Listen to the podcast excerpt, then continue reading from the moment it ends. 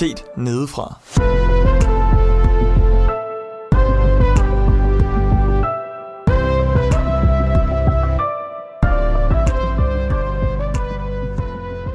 Velkommen til anden sæson af Set Nedefra, episode 12, hvor vi nu er tilbage efter en lang sommerferie. Velkommen til, gutter. Tak, tak Frederik. Og nu tager vi en meget, meget kort runde, hvor I lige må fortælle lidt om, hvordan jeres sommerferie har været indtil videre. Og vi starter med Markus. Sommerferie, to uger, blev gift på midten af de to uger. Det var det, der var min sommerferie. Ja. Øh, sommerferie. To uger. Gift på midten. Det var den sommerferie. Arbejdet lige siden øh, på akutmodtagelsen. Kæmpe fedt. Jeg er glad. Jeg startede på studie. Selvom I havde en meget god ven, der flere gange rådgav jer til at sige, I skal holde fri efter bryllup, det er vigtigt, men øh, ja. Ja, Ej, vi havde da en hel uge. rigeligt. Det var det ikke. I tager ud og rejse næste sommer. Ja. Ja. Nice. Anders? Sommerferie i fem uger, og øh, jeg tror, jeg fandt ud af, at jeg virkelig ikke havde meget overskud før. Det fandt jeg ud af, da jeg så begyndte at holde fri. Så det har været dejligt at bare kunne have det stille og roligt. Få lidt overskud igen til hverdagen. Ja, jeg har haft sommerferie i lang tid. øh, jeg kan ikke huske, hvad jeg lavede. Jeg kom ind på studie, mm. og jeg har flyttet. Jo, jeg har flyttet fra Nordsjælland til København. Vi sluttede egentlig, vi havde den der lidt sommerzoom, os tre piger. Og der tror Også jeg, tre piger. Ja, lige netop. og øh, der tror jeg, vi sådan, det var dagen inden, at vi fik at vide, at vi kom ind på vores studie. Men nu er vi fire af jer studerende, så det er meget nice. Øhm, Og tillykke med, at I alle er kommet ind på jeres studie. ja, tak. Tak, tak. Og så er der også en anden grund til, at vi har holdt en lang sommerferie. Øh, og det er fordi, vi alle sammen, altså alle fem faktisk har engageret os i, i lidt noget nyt noget, som jeg også synes, vi lige skal bare lige i talsæt, fordi jeg synes næsten, det vil være underligt ikke at gøre det. Nemlig øh, et ungdomsfællesskab, der hedder Ungt Liv. Mm. Øhm, Ja. Markus, hvad er Ungt Liv? Ungliv er øh, for de unge mennesker, som kommer i øh, Københavnerkirke, hvor vi alle fem kommer. Øh, vi har startet et øh, ungdomsfællesskab op, fordi at der var mange unge, og fordi at vi synes, at det giver mening, at vi øh, bruger tid med vores menighed. Øh, også at det kommer til at røre til lidt mere end kun søndagene, men vi er der for hinanden igennem ugen. Og Camilla, hvad skete der i går, sådan en typisk aften i Ungt Liv? Mm, der havde vi en netværksaften, øh, som er en aften, hvor vi byder folk, som kommer fra gaden. altså basically. Øh, eller vores studievenner, eller nogen, som måske Vi ikke byder lever... folk ind fra gaden. Det kunne godt lyde som sådan at ja, reach ja. out til Nå. nogen, der bor på gaden. Ja. Det, de må også gerne komme ind, men alle og enhver må komme ind i kirken. Ja. Øh, og i går aftes, der havde vi vaffelaften, hvor vi bare hvor vi tilbød gratis vafler og kaffe til dem, der havde lyst til at komme forbi. Og det var en kæmpe succes. Altså, der var virkelig mange, og det var bare mega, mega hyggeligt. Mm. Det var meget opmuntrende. Mm, det var en vanvittig aften. Mm. Også der var tilbage efter i, i går, hvor der, der havde virkelig været mange, og det har været en succes. Det der med, at vi ligesom kunne snakke om, hvad, hvad havde været godt, hvad havde været skidt, og evaluere, det bragte os virkelig tæt på hinanden, fordi at, men ligesom, at, at der var noget, der blev større end en selv, og det, ikke, det hele handlede ikke bare om, jeg kommer, jeg tager, får noget, og, og jeg går igen. Og hvor kan jeg få mest ud af det? Jamen det kan jeg i den her kirke, det kan jeg måske i det her fællesskab. Hvor kan jeg få mest? Her handlede det egentlig om, at vi skulle give noget til andre, mm. og f- prøve at få noget til at blive til en succes. Så har det også bare været super skønt at kunne øh, komme ind i et så fedt et fællesskab efter sommerferien. Altså nu havde jeg kun to uger sommerferie, men alle andre rundt om mig havde jo et 40 års sommerferie. så det var bare, der var ikke så mange folk rundt omkring. Så det kunne jeg godt mærke, det var virkelig bare skønt at øh, kunne komme ind i et fællesskab igen, hvor at vi var klar engageret i at snakke om Jesus også, at få det lov til, altså at give det lov til at fylde. Mm. Det har bare været sindssygt lækkert mm. ovenpå jeres lange sommerferie. Jeg, tror, jeg tror også, noget af det, som virkelig har været, været godt ved at starte et nyt fællesskab op og prøve det, det er, at vi har ligesom kunne starte på en frisk. Alle har ligesom haft noget med i bagagen fra tidligere fællesskab om, hvordan plejer man at gøre, og vi har kunne skabe noget helt nyt. Og skabe en kultur om at dele tro med hinanden, ture og snakke med hinanden omkring sådan nogle ting. Ja, det tror jeg, der er mange, der skal lige nu. Efter corona. Ja. Jeg tror rigtig mange, Ja. der skal til at finde ud af, hvad er vi, hvad, hvad Hvordan skal vi gøre tingene? Yes, altså øh, det har jo ikke noget, altså podcasten og, og fællesskabet har egentlig ikke noget med hinanden at gøre jo. Øh, men jeg synes bare, at for mig personligt, så er det en af de store grunde til, at vi først kommer i gang nu med podcast. Det er fordi, vi har haft så travlt med, med, med ungt liv. Ja, så giver det også mening, fordi det er noget, der kommer til at fylde for os. Så at øh, I som lytter også bare lige ved, Ja, at det, hvorfor det, er vi det, vi ligesom ser hinanden så tit. Ja, og det er det, vi er rundet af, og øh, det er lige nu Københavnkirken, og det arbejde, der er der. Øhm, ja, så det er nice. Det er så fedt. Dagens emne, det er til gengæld ikke så nice, eller nogen synes, det er en god ting, det er der, og nogen synes, at det er en dårlig ting, det er der. Og Camilla, Ja. du, øh, du vil jo egentlig ikke have det her emne tvivl. Øhm, eller du synes, det lå lidt for meget op af, dengang vi havde bekymringer. Mm. Og det, det kunne jeg bare slet ikke lige se, hvorfor. Så det er jeg sådan lidt spændt på at høre, hvad, hvorfor du synes, at tvivl ligger tæt op af bekymringer, som var vores, det var, tror jeg, vores 8. afsnit måske, der handler om bekymringer. Ja. Altså, jeg tror bare, de deler, de deler bare mange fælles ting. Øh, det at være øh, bekymret, og det at have en tvivl. Øh, blandt andet så øh, deler de øh, en usikkerhed. Man kan ikke, altså jeg, jeg vil i hvert fald mene, at det at, være, altså det at have en tvivl om noget, og det at være bekymret, der er man usikker i begge dele. Øhm, så jeg, jeg, jeg føler bare, at det, sådan, at det ligger ret, ret meget op af hinanden. Men jeg er også jeg er vildt spændt på, når, når du siger, Frederik, at det slet ikke, altså du Nå, forbinder dem slet ikke med hinanden. Hvad, det- kommer det så, hvad kommer der så ud af den her dag? Ja. Det er det, der er så spændende, fordi at, øhm, at det kan jo høre, at det er jo følelsen for dig, du kan genkende i de to ting, Ja, Så, og det er den samme følelse. Øh, og, og sådan er det slet ikke for mig, fordi bekymringer, det kan godt være noget, jeg ikke... Altså, jeg kan godt være bekymret for noget, som jeg ikke er i, i tvivl om, er det rigtige, eller sådan. Man kan godt bekymre sig om en, sin familie, men det har jo ikke noget med tvivl at gøre. Og så alligevel, fordi i realiteten, hvis man ser sådan i forholdet til, øh, til Gud, mm. så, øh, så vil jeg jo mene, at, at hvis vi stoler 100% på Gud, så har, Så vi, så, så, så har vi ikke, øh, så, så fylder bekymringer mindre. Det tror jeg. At, Ikke, ikke, ikke for din kristne bror, altså ikke for de, dem, som ikke tror på Jesus. Jo, Det er rigtigt nok. Øh, men, men sådan øh, ting, der omhandler dig selv, øh, tror jeg, at, at hvis du stoler 100% på Gud, mm. Ja. øh, og det tror jeg, at der skal man virkelig have en, en speciel nødgave, hvis vi skal kunne stole 100% på Gud. Ja. Øh, men hvis man kan det, så tror jeg, at bekymringer også bliver mindre. Jo, jo tættere relation vi får til Gud, jo færre bekymringer, tror jeg faktisk også, øh, der vil komme. Det er klart, at der er også noget menneskeligt i forhold til, nogle bekymrer sig mindre Ja. end andre. Og det, men, men, og det tror, tror jeg også, det er i forhold til tvivl. Ja. At øh, jo mere vi stoler på Gud, jamen sjovt nok, så vil der også være øh, mindre tvivl. Ej, Øh. den vil jeg gerne faktisk lige slå et Ja. slag. Eller nu, jeg ved ja. heller ikke om, men øh, jeg har aldrig tvivlet på, om Gud eksisterer. Jeg har heller aldrig tvivlet på, at han er i kontrol. Øhm, så for mig, og jeg, har, jeg bekymrer mig helt vildt. Mm. Så min bekymring ligger ikke i, om Gud har styr på det. Min bekymring ligger på, om vi mennesker kan finde ud af at håndtere, at vi har et frit valg her i verden. Mm. Men så er det jo dem, du tvivler på. Så er det jo mennesker, du tvivler på, og ikke, og ikke Gud. Ja, Men så er der også en tvivl i din bekymring. Ja, men det er ikke tvivlen til Gud, som Nej, Anders nej, lige det er rigtigt. Nej, det, okay. det er en god pointe. Ja. ja. Men Frederik, måske du bare kan komme med et eksempel på øh, en bekymring, hvor der ikke er noget tvivl, øh, der indebærer i det. Fordi Altså- så, så er det jo så den afklaret, tænker jeg. Ja, Okay, Det- skarpt sat op alligevel. men, men det, det, er også, det, er også, det er også rigtigt nok. Øh, hvad, hvad, hvad kan det være? Altså, man kan godt bekymre sig om ens familie har det godt.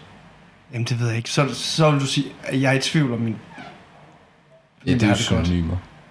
På en eller anden Det er måde. jo der, de så går ind Og det er jo derfor, at synonymer. jeg siger, at, Ja. ja. at de minder om hinanden, fordi selv Mhm. de siger, at det bliver synonymer. Så det er jo nok bare der, altså det er jo bare den vinkling, jeg har på det. Ja, Jeg, jeg tænker bare, at når vi øh, snakker med folk øh, som er kristne, så vil øh, man ikke sige, altså så, så tror jeg, at der er sådan lidt to forskellige, altså det er sådan to forskellige tematikker, vi tager fat i. Det kan jo Jeg sagtens være bekymrer mig om, at jeg skal dø. Okay. Og det er jeg jo ikke i tvivl om, Nej, at jeg skal. Nej. okay, så det var i forhold til det sproglige, så det er fint. Nå, nej, nej, men den, ja. er, den er da god. Ja, ja. Ja. Men det er rigtigt, at Men jeg tror bare ikke, det, det, det, det handler om. nej, det handler nej. ikke, hvorvidt du kan koble tvivl og bekymring sammen. Nej. Det ved vi godt, man kan på rigtig mange punkter. Men det er lidt mere talt om, at vi kristne nogle gange snakker om, Ja, ja. at vi kan tvivle. Men Altså, altså, og det har ikke nødvendigvis noget at gøre med bekymring. Det kan det godt have, og man kan også godt formulere sig sådan, men, men det er en meget specifik ting, mm. øh, som jeg i hvert fald snakker nogle gange med mine venner om, omkring det, at jeg, jeg tvivler lidt på Gud. Og så er det jo ikke fordi, at de har en bekymring. Bekymringen er helt vildt godt at have. Det er godt, hvis du har en bekymring over, at du tvivler. Men du kan også nå derud, hvor du ikke bekymrer dig, men bare tvivler. altså, men der, det, det forstår jeg ikke. Men jeg, Nej, Nej, jeg altså, forstår, jeg håber forstår jo, I sådan lidt... Øh, Jeg forstår 100% Ja. hvor du hen. Og det er også derfor, jeg synes, det var, det var, det var risikabelt at starte ud med at tage en definition af ordene, fordi det bliver så rodet, som det er lige nu. Men jeg synes også, det var godt, fordi at så kan vi ligesom spore os ind på, hvad er det, vi mener, når vi siger tvivl. ja. men, Og man kan sagtens være bekymret, som Judith siger, men stadigvæk have Gud øh, mm. med i alt det. Mm. Og så synes jeg ikke, der er at snak om, og det vil Julie nok også sige, at hun har aldrig tvivlet på Gud, mm. men været super bekymret. Og det er så det, jeg vil mene, vi har afdækket i et andet afsnit. Mm. Det jeg gerne vil snakke om i dag, øhm, eller det jeg kommer til at byde ind med i hvert fald, det er det, det, den der tvivl på, eksisterer Gud mm. overhovedet? Men det er jo også noget andet. Eller det er Ja. noget andet, men, men det at snakke om tvivl, og det at snakke om tvivlen på Guds eksistens, Ja. der bliver, der bliver tilføjet noget til tvivl. Ja, og ved du hvad Camilla, vi er ude i den klassiske med, at øh, der er simpelthen en indforståethed, når man siger tvivl i kristne kredse. Mm. Fordi vi har været til så mange seminarer, prædikner, artikler, Ja, ja, og så sig siger man bare tvivl, og så kan det kun handle om to ting. Tvivl på, om hvorvidt Gud eksisterer, eller tvivl på, om hvorvidt Gud han også, at frelsen gælder for dig. Mm. Det er ligesom de to tror. aspekter, vi arbejder mest med, når vi snakker om tvivl. Se nu bare. Overhovedet ikke Altså. øh, ordet tvivl. Lad os stoppe nu. Hvad, hvad det betyder. Nej, nice, fordi nu skal vi så snakke om, om hvordan det er at tvivle, og om det er godt eller skidt. Ja. Skal vi tage en runde om, hvor vi lige snakker om vores egen tvivl, om den er der eller ej, hvornår den kommer, Mm. og Ja, så, ja. så ser vi, hvor, hvor lang tid der er gået efter den runde. Okay? ja. Ja. Og du har jo været lidt i gang, Judith, så du får lov at starte. Ja, øh, jeg tror, det er rigtigt, når du siger, Frederik, at der er flere, også inden for kristendommen, måder at tvivle på. Øh, jeg tror ikke selv, at jeg har tvivlet på, at jeg er frelst, eller jeg har heller ikke tvivlet på, at, at Gud eksisterer, men, men jeg har tvivlet rigtig meget på, om Gud elsker mig. Øh, så i perioder, hvor at jeg har måske været lidt ekstra usikker, der har det været sådan kæmpe... Altså, jeg har været fuldstændig sikker på, at Gud eksisterede. Jeg har været fuldstændig sikker på, at jeg var frelst. Men jeg har været ekstremt usikker på, om den Gud, der eksisterede, som havde valgt at dø for alle mennesker, ville han også have gjort det, hvis det bare var for mig. Så den har faktisk siddet rigtig meget. Men selve sådan tvivlen om Guds eksistens, og om jeg er frelst, den har jeg bare altid været sikker på, at han må være der. Han er der. Mm. Har det så, har, altså, hvordan har den tvivl om hans kærlighed så, har det været et øh, negativ, altså, hvordan har du så ageret, hvad har, hvad har der sket i dine handlinger og tanker, når du har haft det sådan? Øh, jeg har jeg har synes det var helt vildt svært at være i, tror jeg, fordi at noget af det, jeg personligt synes er det fedeste ved at være kristen, det er, at jeg ved, at der er en slags kærlighed, der aldrig svigter mig, mm. og det er Guds kærlighed. Mm. Øh, men i de øjeblikke, hvor at jeg så faktisk har tvivlet på det, så har det faktisk været som om, at min verden faldt lidt sammen. Fordi selvom jeg så har en mor og en far og nogle rigtig gode venner, der kan sige, jeg elsker dig til mig, så Mm. er det bare ikke... Man ved ikke, med Gud ved man bare, at den her kærlighed, den, den er bare, hvad hedder det? Den er bare altid Konstant. fast, konstant. Mm. Øhm, Så er det da sjovt, du tvivler på den. Ja, det er mega sjovt, og jeg tror, det er totalt sådan en følelsesmæssig ting. Ja. Øh, for jeg kan jo læse i Bibelen, altså i, Isaias bog står der, du er dyrebar i mine øjne, højt agtet, jeg elsker dig. Men er det så fordi, at du har enten mødt noget, du følte var fra Gud, der fik dig til, til at tvivle, eller er det, når du kiggede på dig selv, eller er det bare dine følelser, der kan få dig... Altså, Ja, hvor kan, for, hvor, hvordan kommer du til at tænke det? Ja. Ja. det er også meget udspecificering. Det er bare fordi, jeg har ikke prøvet det Ja, der. nej, det er også, altså jeg er det er også, jeg skal lige tænke fra. lidt tilbage, fordi Men det er det et er stykke helt tid okay. siden, jeg har haft det sådan. Øh, Du kan også bare lige tage noget tid, ikke? Jeg har en, altså, i hvert fald noget, jeg gerne vil sige i forhold til det der. Ja, Fordi jeg tror, at den kristne tradition, jeg er vokset op med, der er mit intime forhold til Gud, og det at mærke og føle og opleve hans kærlighed for mig, den, det bliver der ikke brugt særlig meget tid på. Mm. Og, og, og kræfter på. Men det er mere at læse om, altså at, at få forkyndt Bibelen, og hvad den siger om Guds kærlighed til mig. Og den er lige så sand deri, men den er jo svær for mig at forholde sig til. Og sige, Ja. ja. det står her, at han elsker alle mennesker. Og så skal jeg selv forstå og føle, at han også elsker mig. Hvor jeg tror, der er andre tradi- kristne traditioner, hvor man har meget større fokus på Guds kærlighed i en, eller Guds ånd, hvor man måske faktisk er bedre til at give folk den reelle følelse af, at Gud elsker dem, og vil dem. Ja. Det tror jeg egentlig, der er meget rigtigt i. Jeg tror måske også, at noget af det har været, at jeg øh, i mange år var ret usikker. Og så kunne jeg jo så få gode venner og sådan noget til at udtrykke kærlighed over for mig, hvor jeg kunne se dem, eller de kunne give mig et kram, eller de kunne kigge mig i øjnene og sige til mig, at de godt kunne lide mig. Øh, hvor på en eller anden måde, så blev mit forhold til Gud meget logisk, og gennem en, en bog. Jeg kunne ikke på noget tidspunkt se ham stå og sige noget til mig. Øh, og det var ligesom en eller anden form for følelses... mm, Altså det var sådan en... Jeg har brug for at høre det som et faktum, men jeg har brug for at høre det for folk omkring mig. Og det var Gud bare ikke på samme måde. Øh, men jeg tror meget af det har været sådan en klassisk teenage usikkerhed, der så også kom oveni, at man var kristen, og skulle forholde sig til, nå, kan Gud så også lide mig? Eller sådan. Mm. Øhm, ja. Det er godt. Tak for åbenheden. Det var ikke... Øh, Ja. ja. ja. Det kan være, at vi vender tilbage til nogle af de ting, du har sagt. Jeg tror også bare, det er sådan lidt... Jeg tror bare, det er lidt... Ja...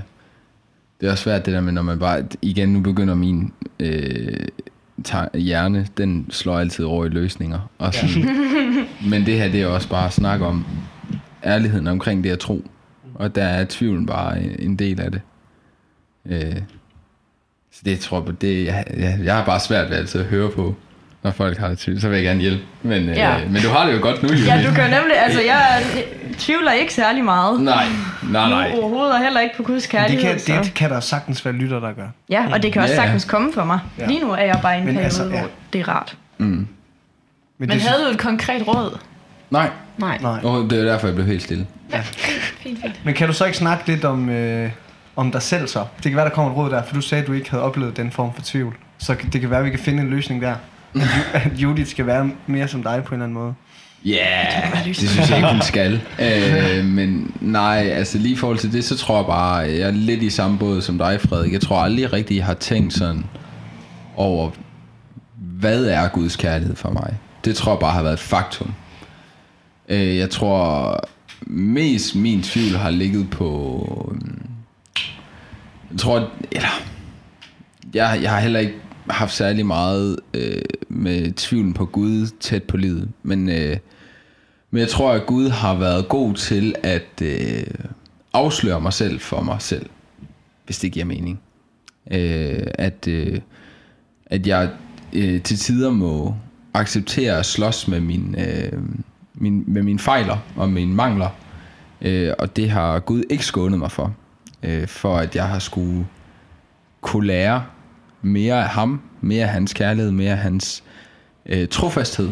Øh, og øh, det, det er måske sådan lidt, det lyder lidt øh, masochistisk, men, øh, men, men det er, jeg tror faktisk egentlig, det er meget, øh, der er rigtig mange filosofer, der også øh, siger, at det er en sund ting at, at ligesom at bearbejde sin, sin fejl, og, øh, og gennem lidelse, så kommer der jo faktisk ret mange ting, ret mange gode ting, hvis man øh, også har, hvad kan man sige, styrke til at komme videre fra det, og det synes jeg, at det som lidt har været et evangelie for mig, øh, at, eller, og det er det evangelie er til alle, at når vi ligesom kan få lov til at se på vores egen fejl og mangler, jamen så kan man, så er det ligesom, Gud bruger det hele tiden til mig, og jeg begynder altid med at kigge på gerninger og kigge på, hvad skal jeg gøre anderledes. Så det, så går der lige en cirka to måneder med det, og så efter de to måneder, så rammer der mig et eller andet, hvor jeg bare må komme til Gud og sige, at jamen, svaret ligger jo i, at jeg bare skal kigge på dig og være tilfreds i det, du har gjort.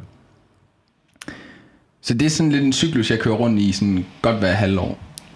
Men hvad er der, at, at jeg er lidt forvirret mm. på det, og, eller jeg synes, det er fedt sagt, men jeg er usikker på, hvad, hvad, hvor, hvor, at, hvad, hvordan connectede du det til tvivl? Jamen, det er det, det, er det jeg vil sige, at jeg tror, at det er nok det, som nogen kan opleve som tvivl. Altså det der, når man begynder at føle, mm. at man ikke er god nok. Ja, Ja. jeg tvivler mm. på, hvorvidt... Man for eksempel er frelst Ja. faktisk, Okay. øh, i bund og Ja. grund. Men jeg tror aldrig, jeg er kommet til den følelse af tvivl. Altså, øh, og det kan man jo bare kalde øh, forskellige følelsesregister. Altså, øh, jeg, jeg har bare, jeg føler mig velsignet til at have følt en meget progressiv holdning til det, når jeg har haft det sådan. Øh, og ligesom sige, når man, jeg er ret overbevist om, at der er noget, jeg skal lære igennem den her nederen tur, jeg har lige nu. Men det er ikke altid, jeg kan sige det til mig, når jeg står i det. Så det er nok egentlig, der står jeg nok i tvivlens vold.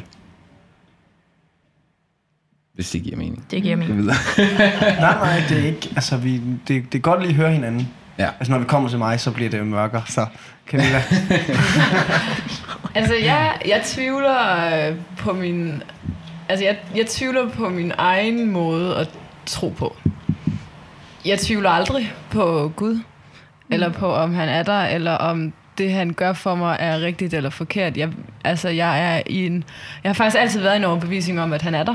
Mm. Og øh, han vil mig det bedste. Også selvom, at jeg øh, ikke føler, at det er det, så får jeg det på en eller anden... Altså, så føler jeg, at han får mig til at få det vendt på en måde, så det er, som det skal være. Og det er noget, jeg skal lære af de ting, som jeg ikke synes er så fedt. Men jeg kan godt tvivle på min egen måde at tro på. Jeg kan godt være i tvivl om, om den, altså om min tro er oprigtig. Mm. Mm. Altså er det ægte det her, eller er det bare øh, noget, jeg overbeviser mig selv om? Altså min egen tro. Altså om din egen Ja. tro er ikke... Er den ægte? Ja. Ja, Eller er det bare en... På den Gud, du ved er sand. Ja. okay. Det er sjovt, at når vi sidder og snakker om vores tvivl, ikke, også, så, så er der jo ikke mange af tingene, der giver mening. Hvis Nej, man overhovedet dem. ikke. Hvis man siger dem, altså... Hvis man siger dem, sådan som vi gør. Nej, men, Altså, ja, jeg tvivler på min tro på den Gud, som jeg ved er sand. Ja. Ja, det er jo noget... men, men er, det, er det så... Men er det vel fordi, at du sådan lidt føler, at der i Bibelen også bliver snakket om folk, som der mener, at de tror, men så ikke rigtig tror? Eller hvor kommer sådan den... Hvor kommer rationaliseringen til, at du kan faktisk tvivle på en tro, hvor du ved, Gud er sand? Det starter nok med en bekymring. Ja. om at øh, om det er altså om det at tro egentlig er øh, ægte Hmm. for mit vedkommende. Ja, så det er lidt en bekymring, tvivl. Men når, når du siger, at du altid egentlig har været klar over, at, at Gud eksisterede, mm. er det så som i altid, mens du var kristen, eller havde du også den følelse, eller sådan den overbevisning, før du egentlig øh, blev kristen og valgte at tilhøre Jesus? Altså, jeg har, jeg, det har jeg altid troet på. Jeg har altid troet, at han var der. Mm. Mm. Øh, jeg har bare lært ham meget bedre at kende Ja. ja. øh, efterfølgende. Øh, og også lært, at det er en helt anden, end den, som jeg troede på før. Men kun til, altså, ja, både, både godt og skidt, ikke? Altså, han er jo, han er, han er vild, ham Gud. Øhm, Men så, så er det måske også det, at du sådan nu tror på en anden måde, i citationstegn laver jeg. ja, Altså, at, at du så kan tænke, at den her... Fordi du har jo troet på Gud før os. mm, Ja, men- og, Er og det så tro, det, som der sådan... men at Ja, tro på en anden måde, er det ikke... jeg tror, det er fordi... Jeg, jeg, jeg ved ikke helt, hvad jeg skal tro lige nu. Men øh, den måde, jeg har troet på, da jeg var yngre, den, øh, den er jeg sådan lidt tilbage i nu. Altså, jeg er lidt i en, altså, en konstant sådan, ja, der er, der er en Gud, og jeg tror på ham, og jeg elsker ham, og jeg ved, han elsker mig. Og dengang har jeg, altså jeg var bare sådan, jeg tror det er fordi, at jeg har fået at vide, at jeg ikke altid har været kristen. Ja. Men nu er jeg lidt tilbage til at tro på samme måde, som jeg gjorde dengang. Bare med en, altså bare med en mere viden. Mere et op, oplyst grundlag. Ja. Men det er også det, jeg tænker, altså, at, jeg synes, jeg synes bare, det, det er svært at sige, at, at, at du tror på en anden måde nu, eller sådan, at, at hvis, jeg, hvis jeg ikke var kristen, men, men troede på en Gud, men ikke troede på Jesus, så troede jeg, tror jeg på en anden måde. Det tror jeg ikke. Øh, For mig at se, så handler det jo om det, jeg tror på, der er noget andet. Mm. Øh, at, at hvis jeg ikke har Jesus med i, i mit kristenliv, jamen så er det noget, så er det en, en Gud, som ikke er den Gud, jeg møder i det nye testamente, jeg tror på. Men, men selve det at tro er vel det samme. Ja, altså jeg kan, hvad? godt, jeg kan godt følge dig i det. Øhm, men jeg, jeg Camilla, tror... må jeg spørge dig om noget? Ja. Hvordan identificerer du din tro? Altså, hvordan registrerer du, at der er tro til stede i dig? Hvad, hvad er det for nogle ting? Altså, når det her sker, så er det fordi, jeg tror. Kan du følge mig? Mm. Hvad, hvad, skal der til, for at man kan sige, jamen her er der en tro? Det er også et stort Ja, det er spørgsmål, du sidder i hovedet. Ja. Jeg tror, at der hvor at det sådan her på det, se, altså på det seneste er kommet til udtryk i hvert fald, det har været, da jeg var til øh, en eksamen, som gik rigtig dårligt. Mm. Og jeg havde bedt og bedt for, at Det måtte gå godt. det måtte gå godt, Mm. og at, øh, at han måtte give mig viden og, og give mig styrke til at, at, at klare den her eksamen godt. Og jeg klarede den bare rigtig dårligt. Øhm, og alligevel, så, så, jeg, altså, så er jeg ikke i tvivl om, at han har, altså, at han har lært mig noget af det. Mm. Og at det faktisk har været helt okay, at jeg ikke har fået den karakter, øh, som jeg gerne ville have, eller præsteret, som jeg, som jeg gerne ville. Og den overbevisning var jeg ikke kommet til, hvis jeg havde troet på den måde, jeg gjorde før, så havde jeg bare ment, at det var urimeligt af ham. Men nu kan jeg jo godt rationalisere det, at han, altså det, at han leder mig på nogle afveje, som jeg måske ikke, det er ikke det, jeg beder ham om at gøre. Mm. Men han ved, at det er det, der er bedst for mig. Og så set i bagspejlet nu, har jeg lært utrolig meget af det. Så du, du slugte ligesom din vrede over for Gud, og så øh, stolede du på ham. Mm. Ja. Havde du tillid til. Ubetinget tillid. Ja. Ja. Øhm, og det er ligesom der, nu har vi så snakket så meget om tro lige her i de seneste fem minutter. Og for mig at se, så er det, og jeg kommer til at springe over dig nu, Anders, fordi nu skal vi snakke om mig. øhm, så er det det, der er øh, beviset på, at der er en tro. Det er gerningerne. Mm. Og det er det, der er så nøjeren. fordi at Ja. du skal ikke gå op i dine gerninger og sige, min, min tro er god på at se på alle mine gerninger. Men du skal se på Jesus. Altså sådan, du, det, det er jo ham, der frelser dig. Mm. Og beviset på, at den frelse er gældende, og du tror på den, det er lysten til at gøre gode gerninger, og gøre det, Gud siger. Mm. Og jeg tror meget på det, at erkende, at du heller ikke, at du også går imod Guds vilje. Og at de to ting ikke kan eksistere i dig på samme tid, så du, du vil gøre alt for at skille dig af med din søn. Og mm. der, vil, der vil jeg bare gerne lige tilføje, at sådan en dag som i går, hvor vi øh, havde det her netværksdag, der, altså der er jeg med til at forberede det og lave de her vafler og sådan. Og der gør jeg det egentlig mest af, sådan, af, af egoistiske grunde, fordi jeg selv synes, det er vildt hyggeligt mm.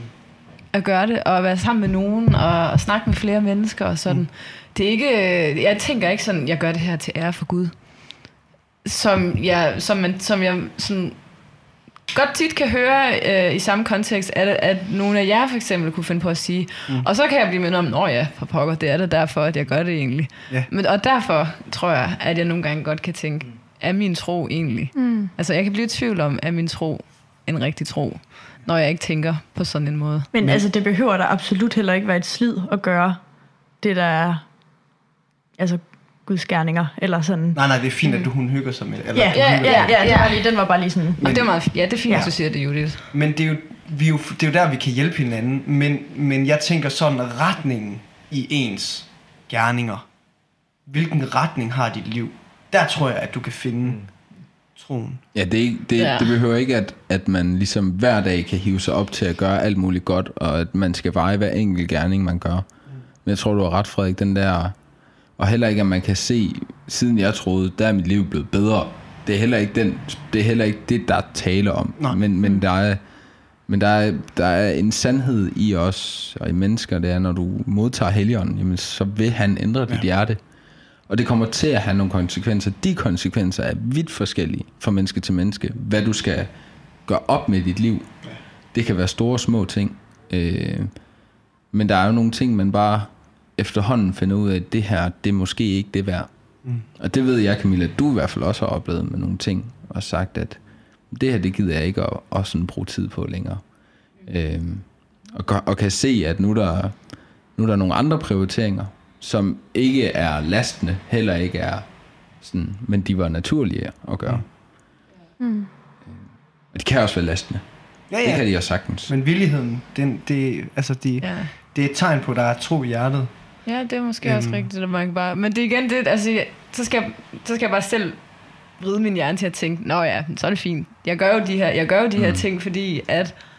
I, Men en, en, en stor del af, af de bønder, Bibelen giver os, er også det her, rens af mit hjerte. Mm. Øh, stil mig over for min, min fejl, så jeg kan se, Mm. hvad, hvad, hvad, hvad er det, mit hjerte vil. mm, Øhm, ja. Jamen det, det er rart at høre. Ja, og også, jeg tror, jeg kan godt forstå, men det, det er nok også bare fordi, vi er lidt, øh, nu er vi alle sammen, mange af os er jyder, men vi er kommet herover til Smart København, Ja. hvor, man, hvor man godt kan lide at, ligesom at skulle, ikke, og det kan man også andre steder end København, det undskyld. Øh, hvad hedder det? Generelt som mennesker kan vi godt lide at realisere os selv, altså at vores at vi skal have rummet alle vores gerninger ud for vores, altså vores tanker simpelthen skal have en altså rationaliseret alt, hvad vi gør. Mm. Men, men, men det, der er så fantastisk ved troen, og det, som man også kan sige til Gud, og lægge over i hans hånd, det er, jeg, jeg, jeg kan nok ikke realisere alt, hvad der sker. Og det er også sandheden om os. Vi- Vi skal ikke, vi skal ikke tro, fordi vi ved. Altså, det er ikke viden, troen kommer fra. Men det er det, du nævnte lige før om din tro. Det var en tillid til Gud, Mm. som kommer helt fra hjertet. ja. Det skal ikke være, fordi du ved, at du er frelst, men fordi, at du tror på Jesus. Mm. Og det er, det, så, så det er ikke fordi, at man skal sidde derude og tænke, åh, oh, jeg er slet ikke overvejet, om, om mine gerninger bliver bedre, og bla bla bla. Det er, ikke, mm. det er heller ikke det, der frelser dig. Igen, det er, vi, vi skal hele tiden kigge tilbage til Jesus. Altid, ved, ved alting, når vi så er blevet altså, oplyst om, at når vores, frels, øh, vores gerninger skal gå i en bedre retning, men åh, det gør de heller ikke, tilbage til Jesus igen. Mm. Det er altid den vej, det går. Og tror- tilliden bliver ikke skabt, oh, undskyld, Nej, det vil tilliden bliver, bliver ikke skabt af dig selv. Altså, du skaber ikke selv tilliden. Det er Gud, der skaber den. Sådan, sådan er det med tillid, at det ligesom, det er, det er noget andet, der skaber tilliden i, i os. Mm. Altså, øh, man kan ikke bare stole på sin partner, eller ja, på sin kæreste, eller på sin mand, eller hustru. Man bliver nødt, de skal bevise overfor, de skaber en tillid i dit hjerte med deres gerninger, og det er jo derfor, at troen den bliver ved med at vokse, fordi Gud han altid øh, skaber den tillid i os, Mm. hvor det så er øh, omvendt med os mennesker, hvor det går sådan lidt op og ned med, hvad, hvad, om vi skaber tillid eller ja, tvivl i Mm. hinandens hjerter. Jeg synes, det er så fint sagt.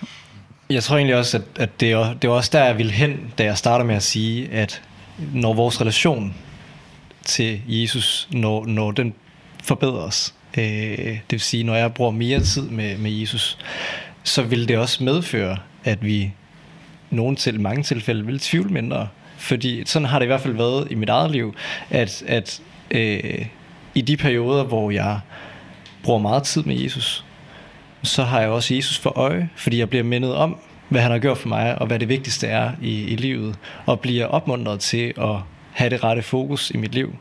Øh, og når jeg har det, så kigger jeg mere på Jesus, end på mig selv.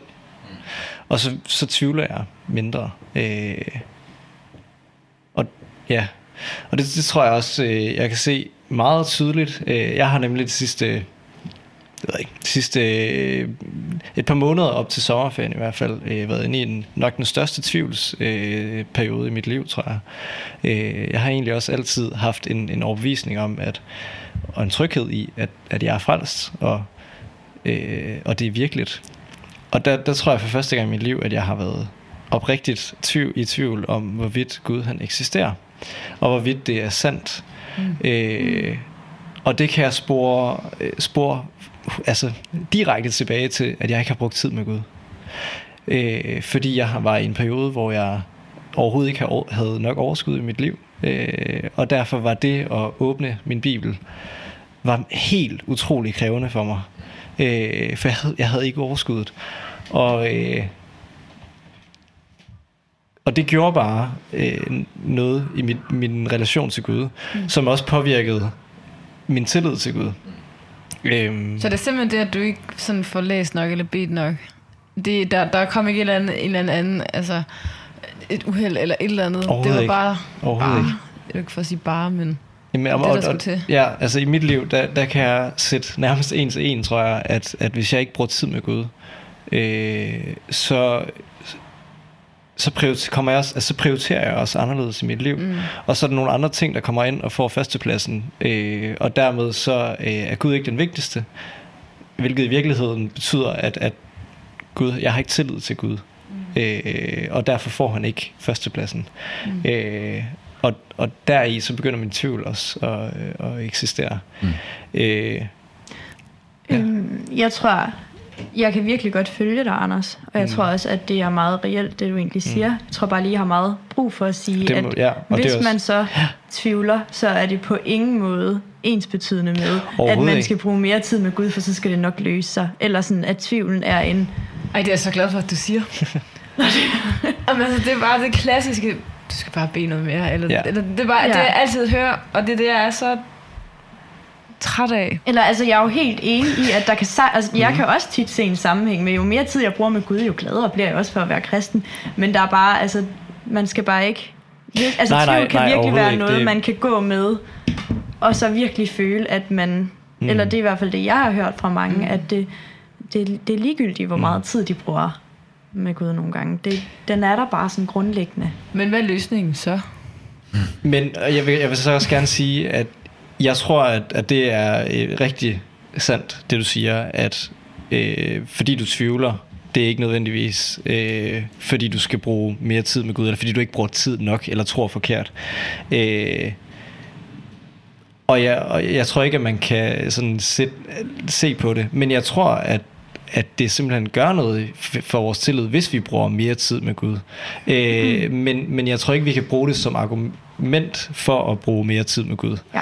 Øh, det kan jeg i mit trosliv, øh, men det er, det er meget, altså fordi det ligesom er der, hvor jeg bliver klar over, øh, okay, hvad, hvad er det, der sker i mit liv? Øh, hvad er det, jeg bruger tid på? Men det, det er også mange andre parametre, der så spiller ind på det. Øh, ja. ja. Altså problemet for, øh, for mig som tvivler, øh, når du siger sådan noget der, det er mm. jo bare, at jeg siger, at det er jo klart, det er jo ikke, det er jo ikke noget, øh, det er jo ikke, det er der jo ikke noget usædvanligt eller fantastisk ved, at du bliver mere sikker på noget, du bruger mere tid på. Mm. Øh, mm. Og det er ligesom der, at øh, man så heller ikke rækker særlig godt ud til tvivlerne. Og jeg tror ikke, der er en løsning på det. I hvert fald ikke, når vi snakker om, hvad man kan gøre selv. Altså, det, det, for mig at se, så er Gud den eneste, der kan hjælpe dig. Mm. Altså, at Gud, han, han fjerner tvivlen i dit hjerte. Men der må være nogle andre redskaber, fordi det er jo klart, der, det er jo der, klart for sådan, altså ja. som Anders han også siger, det er jo super svært at læse i en bibel, når man sådan selv, altså når man lige pludselig er kommet i tvivl om det hele, altså mm. så kommer det bare sådan, kommer bare vildt nært. Jeg kan, ikke, jeg kan simpelthen ikke passe, at der ikke er en eller anden løsning, som vil altså men, række... Men, nej, men, mm. men, men løsningen, du, det du prøver at løse, det er jo dit eget hjertes grundproblem, at, at du har valgt Gud fra. Og den, den, den, den, den blev løst en dag i himlen. Men det er ikke fordi, at men, man har valgt Gud fra. Det er ikke fordi, Andersen har valgt Gud fra. Nej, nej, men grund til, at du tvivler på, at Gud... Grund til, at du tvivler på, om Gud eksisterer, det er jo fordi, at vi er blevet adskilt fra ham. Ja. Fordi mm. Adam og Eva, de var jo ikke i tvivl mm. om, at Gud eksisterede.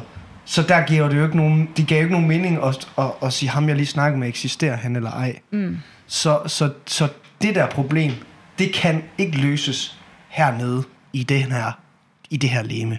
Men jeg tror, at man kan symptombehandle. Jeg tror ikke, du kan behandle selv, eller jeg ved ikke, hvordan man skal komme af med det problem. Men jeg tror for eksempel, at hvis vi var meget bedre til, også i kristne kredse, og i talesæt, jeg er sindssygt usikker på, om Gud eksisterer. Det har jeg været i tre år. Mm. Så tror jeg, at det vil være lettere at bære rundt med. Fordi ja. man vil kunne møde, man vil ikke føle sig som den eneste. Altså, så det er, ikke, det er ikke en løsning på problemet overhovedet. Men jeg tror, at når man tvivler, tror jeg, der kan komme en masse... Øh, jeg tror, der kan komme en, måske næsten en skam, når man møder andre kristne. Mm. Øh, og måske man næsten kan føle sig hyklerisk, hvilket der ingen grund til er. Det er meget naturligt at tvivle. Der er sindssygt mange i Bibelen, der tvivler, øh, som mødte Jesus. Altså, mm. øhm, Så man skal blive bedre til at snakke om det. Ja. Ja, og så er det også vigtigt at sige, at, at bare fordi jeg tvivler, så betyder det ikke, at jeg ikke er frelst. Øh, altså, vi har, vi har jo beretningen om, om manden, der, øh, der siger til Jesus, jeg tvivler, hjælp min vantro. Mm. Øh, og, og, og, og Jesus øh, siger, at din tro har frelst dig. siger han, jeg tvivler, hjælp Nej, min siger vantro. Siger han ikke, jeg tror, jeg, jeg tror, ja, undskyld, jeg tror, hjælp min vantro. Ja, vi, vi blander lidt rundt i tingene. Altså, øh, ja, Jesus han siger, øh, alt er muligt for den, der tror, og så siger han, jeg tror, hjælp min vantro, og Ja. så helbreder han, han hans søn. Det er sådan, det ikke, er. Ikke, Tak. Din tro har frelst dig. Det, nej, nej, det er det, det er sådan, det er. Ja. Mm. Øh, nå, men i hvert fald, jeg, jeg tror også, det handler meget om, øh, om det, som du siger, retningen i dit liv. Øh, fordi noget af det, som, som var betryggende øh, for mig, og trøstende for mig i, i min tvivlsperiode, mm. det var, at jeg kunne se, at jeg havde en vilje til at tro. Jeg havde en vilje til at gøre det, gøre det gode. Øh, jeg ville så gerne tro uden tvivl. Mm. Øh, og for mig at se, så øh, var det et, et klart tegn på, at jamen, prøv at høre, her, jeg, jeg ved jo, at jeg stadig tilhører Jesus. Mm. Øh, så sådan en, en, en, sig, eller en frelsesvidshed midt i tvivlen på en eller anden måde. Ja. Øh, ja, så det handler om at finde noget i sig selv, og sådan holde fast i det. det handler om at, at se på Jesus i bund og grund, men, men Ja, og så, yeah. og så forstår jeg godt, fordi når du så skal finde Jesus i dine egne tanker, ja, så er det altså op og bakke, hvis du tvivler på det hele. Mm. Men, og jeg tager bare fat i Judith, øh, som I også nikkede til hinanden om. Ja, det handler om at snakke om det, og det handler i stor grad for det, dem. det er et redskab. Ja, det er et redskab. Ja, altså, det er et redskab at bruge dine medkristne. Mm. Øh, og specielt, når det bliver svært at læse i Bibelen. Og specielt, når det Ja. ja. føles håbløst at bede. Ja. Så hvis du vil gøre noget godt for dig selv, så bruger du tid med dine kristne brødre og søskende. Og det synes jeg er så fedt at høre, for jeg synes bare, i så lang tid har jeg bare været i sådan lidt en konflikt med, at men hvis jeg har et eller andet, så er folk bare hurtigt sådan til at sige, "Jamen, har du, har du prøvet at gå til Jesus med det? Eller har du prøvet at snakke med Gud om det? Sådan, ja, det har jeg. Og det virker bare ikke lige nu. Hjælp mig. Altså, det, det, altså jeg har brug for et andet redskab. Og, og så er folk sådan, altså det, det der er, det, det er Jesus. Og det er jeg slet ikke i tvivl om. Jeg, jeg ved, at det er ham, der gør det. Men nogle gange har jeg i hvert fald personligt også brug for et skub fra nogen, som kan altså, give mig et fysisk skub. Mm. Og der er nogen, der bare kan komme med nogle altså, fantastiske ting. Nu går jeg nu peger jeg på alle sammen. Det er, ja, og igen, det er redskaber, men det er fordi, vi altid forholder os så intellektuelt og, mm. og teologisk til tingene. Ja, ja. Og, og, Helt sikkert. Og, og vi, vi har svært ved at stikke fingrene ned i, i farsen, fordi så er det, det går ondt. Øhm, Det forstår jeg ikke. altså, det er sådan noget, man siger, når man sådan går praktisk til værks. I stedet ikke for stikke teoretisk. fingeren ned i jorden. jeg har aldrig hørt det. Fingeren i jorden, så er det jo ro på. Altså, Nej. få, få beskidte hænder. Ja. Altså, fordi hvis jeg siger til dig, gør det her, det er en løsning. Ja. så, så, så kan jeg jo så tage fejl, når du så kommer og siger, jamen det hjælper ikke. Mm. Jeg kan ikke tage fejl, når jeg siger, Gud skal nok løse det. Men det er også det teoretiske svar, der er. Ja, og det er bare et rigtig nemt svar at give. Mm. Ja, men, men altså nu kender jeg tvivl, og altså har været ude på, altså stået og kigget ud mod afgrunden, mm. i hvad, hvor, altså hvor langt man kan gå ud med sin tvivl. Øhm, og alt det der redskabsfis, det hjælper bare ikke en der. Altså, det, der, der, der, det kan man skyde ned, når man er derude. Altså, når, når du siger redskabsfis, forbinder du det så med det at snakke med andre? Er det et redskabsfis for dig? Ja, Ja, men, men det, altså, og det, det er der ingen grund til at sidde og snakke om, hvorfor.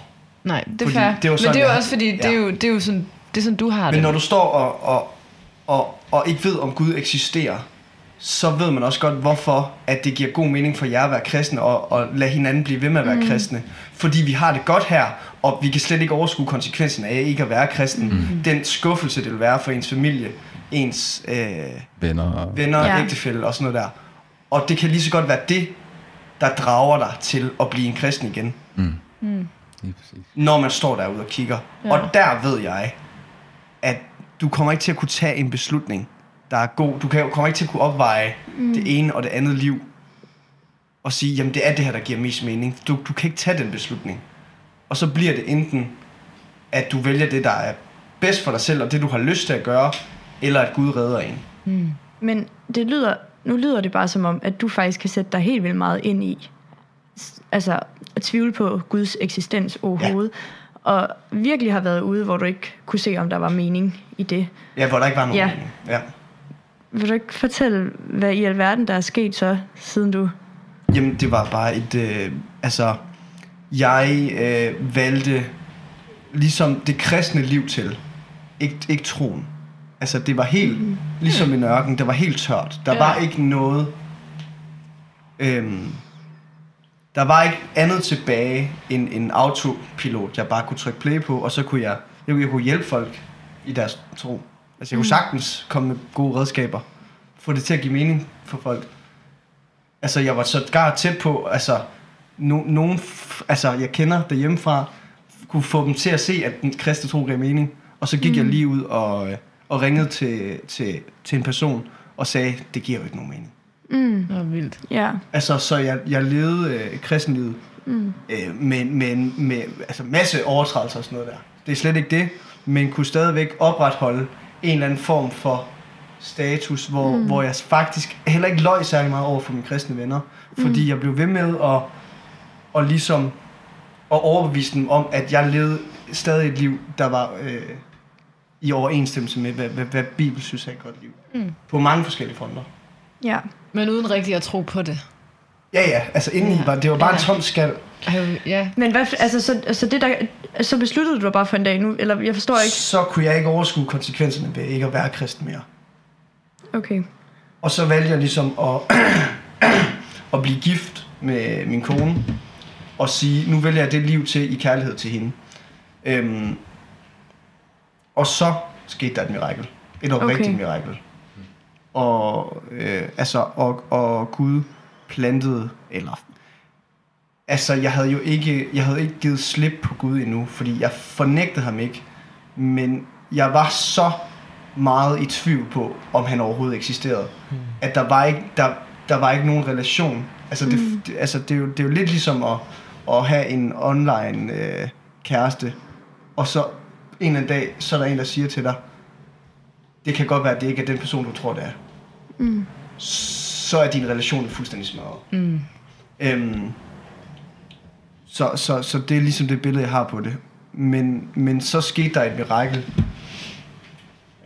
Men, og jeg håber virkelig ikke, at det sætter noget i gang, når jeg siger det her så, men kan du så ikke nogle gange, kan det ikke være svært at tænke, eller jeg vil bare, hvis, med de tegn, jeg tror bare selv, jeg vil tænke, Nå, men så er det jo også bare, det er da klart, jeg tror på det nu, fordi jeg valgte det fællesskab til. Altså hvis jeg kigger på det sådan med helt udefra kommende øjne, mm. altså så vil jeg nogle gange, så vil jeg da selv være bange for, at sætte jeg bare autopiloten i gang, og så kører jeg bare derud af stadig. Ja, altså det eneste, den eneste forskel er jo, at jeg ved jo godt, om, der er, aut- om jeg kører på... Altså, det kan jeg jo så genkende i mig selv nu. Mm. Mm, ja. Når jeg siger noget, der er på autopilot, og hvornår jeg siger noget, som, som, som jeg mener selv. Ja. Øhm, og jeg, jeg kunne jo så bare... Altså, der skete noget helt andet. Jeg blev kristen på en helt anden måde. Øhm, efter. Ja. Øhm, og, og kunne ligesom øhm, se, at jeg, det ikke var autopilot mere. Mm. Men, men Ja. kom helt tilbage til en helt lille babytro. Hvor hvis det havde kørt på autopilot, så havde det jo virket som en voksen og modens kristen menneske. Ja. Tror du, det har været godt for dig, at du har været helt derude? Jeg kan, jeg kan se både, øh, altså, det er, jo, det, er jo nok, det er jo nok bedre, end, end hvis jeg bare havde, øh, levede sådan et semikristen liv, og så aldrig nogensinde opdagede, øh, at, at jeg ikke mente det helt ind i hjertet på en eller anden måde. Så, så, så på en eller anden måde, så tror jeg også på, at jeg altid har været kristen.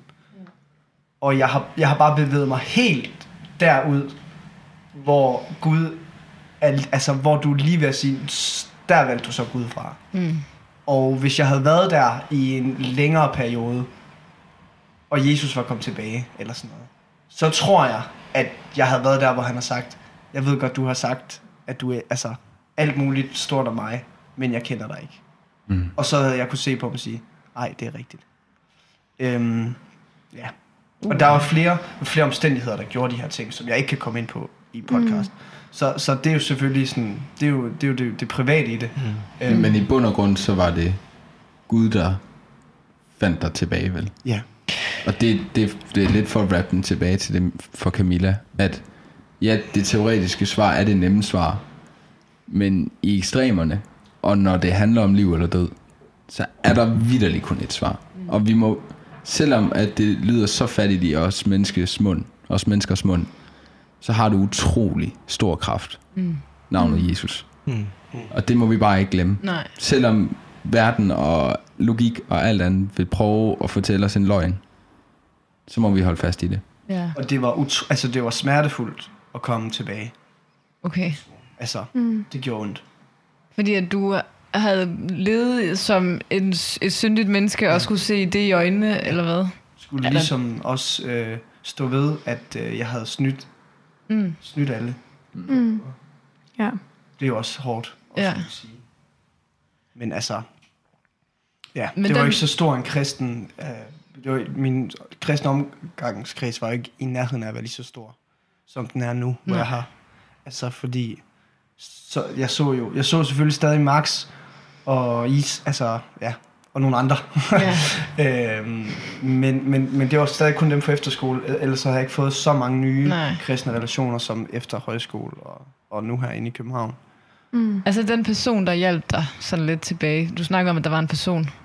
Øh, Du er i hvert fald Det ringet var- til. det, var på en, det var på den anden side. Det var på den anden Det side. var en, Den... der ikke var kristen. Jeg ringte til og sagde, Nå. det giver jo ikke nogen mening. Okay, nå. Mm. Nej, men det er så ikke noget. Øhm, men det, det lyder som om, at det var mit valg tilbage Mm. til det kristne liv, der gjorde mig kristen. Det var det ikke. Ja. Det var et valg om ikke at, at såre øh, min kone og øh, min familie og sådan noget der. Mm. Og stå ved den her kæmpe store tvivl. Det, der gør, at jeg er en kristen, det Ja. er et mirakel. Okay. Så jeg valgte at sige, vi kører videre på auto, autopilot, Ja. og så lader vi bare det her tog ramme, altså køre ud i, øh, Ja. Det er jo- indtil det crasher ind i Ja. Det er jo fuldstændig øh, Jonas, øh, der er skrevet fra, øh, i Bibelen. Ja. Fra, øh, fra Guds vilje. Hvad er Og- det for en historie? Jamen, han, han får at vide, at du skal tage til den her by for at fortælle om, om mine gerninger. Og så, øh, så da han tager, så var han sådan, nej, det gider jeg ikke. og så gik han den anden vej. Okay. Og så øh, på, øh, på en båd, så var der øh, kæmpe uvær. Og så fandt de ud af, at det er fordi, at du har øh, syndet mod Gud. Så kaster de ham over. Over Nej. Ja. Og så bliver han slugt af en kæmpe val. Nå, det har jeg hørt. Ja, Jonas og Valen. Og det er bare, det er, det er et menneske, som bare har ladet toget køre. Ja. Og Gud siger bare, den går ikke. Men hvad skete der så? Jamen så bliver han skyldt op, og han går til Nine ved at sige, hey, I skal gøre som Gud siger, de bliver alle sammen kristne. Og så er alt godt, og så... Så var Nej, det mega fedt. den fortsætter. Nå, okay. Men, men, ja. Men, ja, men, Det kan man men så den lidt. Ja. Ja. Fedt. men det er bare sådan, det, det er virkelig fantastisk, at Gud ikke giver op på mennesker. Ja, nice lige at have den med. Men, Ja. Der er redskaber, og de er gode, men, men man kan godt komme så langt ud, at, at alle de der ting, de giver ikke nogen mening længere. Mm. Og, og så er det for mig at se kun, kun Gud og altså en, eller en kæmpe omvæltning af ens liv, som du ikke selv er i stand til at... Øh, men Ja. må jeg spørge dig om en ting, Frederik? Ja. I tale satte du nogensinde over for din kristne kreds, at du tvivlede så meget? Øhm, Eller var det et facadespil? Det er svært at sige. Jeg har jo tit indtaget den rolle som, som leder af kristne fællesskab. Øhm, så jeg kunne ikke rigtig... Øh, jeg var meget bevidst om, at jeg meget bevidst om mit ansvar. Og jeg synes ikke, at krist, jeg, jeg, dengang synes jeg ikke, at, at kristendom var nogen dårlige ting for nogle mennesker, som jeg skulle redde nogen fra. Jeg, mm. jeg var bare virkelig i tvivl om, det var sandt. Øh, så, så jeg havde ikke... jeg havde ikke lyst til at, at fange en eller anden i en samtale, og få dem til også at tvivle på alt, de nu troede på. Øhm, men øh, jeg har nok nogle gange øh, faktisk afsløret det lidt over for nogen, mm. ved at være på en bestemt måde, hvor jeg nogle gange måske ellers ville have sagt tingene på en anden måde. Ja. Øhm, ja. Blandt andet efterskolekammerater, der ikke troede mere, og hvordan man skulle håndtere det. Mm. Der var det lidt som om, at jeg spejlede mig lidt i dem, mm. og sådan lagde lidt ind for, at det skulle man ikke gøre så meget ved. Mm. Ja. Fordi jeg var bange for, hvad der ville ske, øh, hvis jeg selv stod i den situation. Ja. Ja, det giver mening. Men jeg forstår godt, at, at, at du øh, er træt af de der sådan, svar, sådan, du skal bare komme til Jesus, øh, Camilla. Og, og der tænker jeg da også, når det er så, for det er jo mega abstrakt, tvivl og tro, så, og det er jo også en af grundene til, og som du også siger, at det er jo virkelig bare Jesus, der har brug for, eller bare, bare. Øh, fordi det er ham, jeg tror også, at de redskaber, der er givet, vi, vi har snakket om her, der, der er det jo også Jesus, der virker i de redskaber. Det er ikke os selv, der kan, øh, kan gøre det. Øh, men i virkeligheden burde vi måske bare være bedre til at sige, du tvivler, hey, må jeg, må jeg ikke bede for dig? Må jeg ikke hjælpe dig med at lægge dig over i Guds hænder? Hvis du ikke selv øh, kan det, fordi du tvivler. Ja. Øh, det så tænker jeg da i hvert fald, at jeg vil prøve at begynde på. Du kan også bare begynde at sige, øh, Helion, hvorfor tvivler jeg, når du er i mit hjerte? Mm. Og, og, Ja. ja. og holde Gud op på hans løfter. Ja. Og sige, jamen så må du jo vise mig vejen. Altså vise mig, hvad, hvad, hvor, hvor jeg skal gå hen med den her tvivl.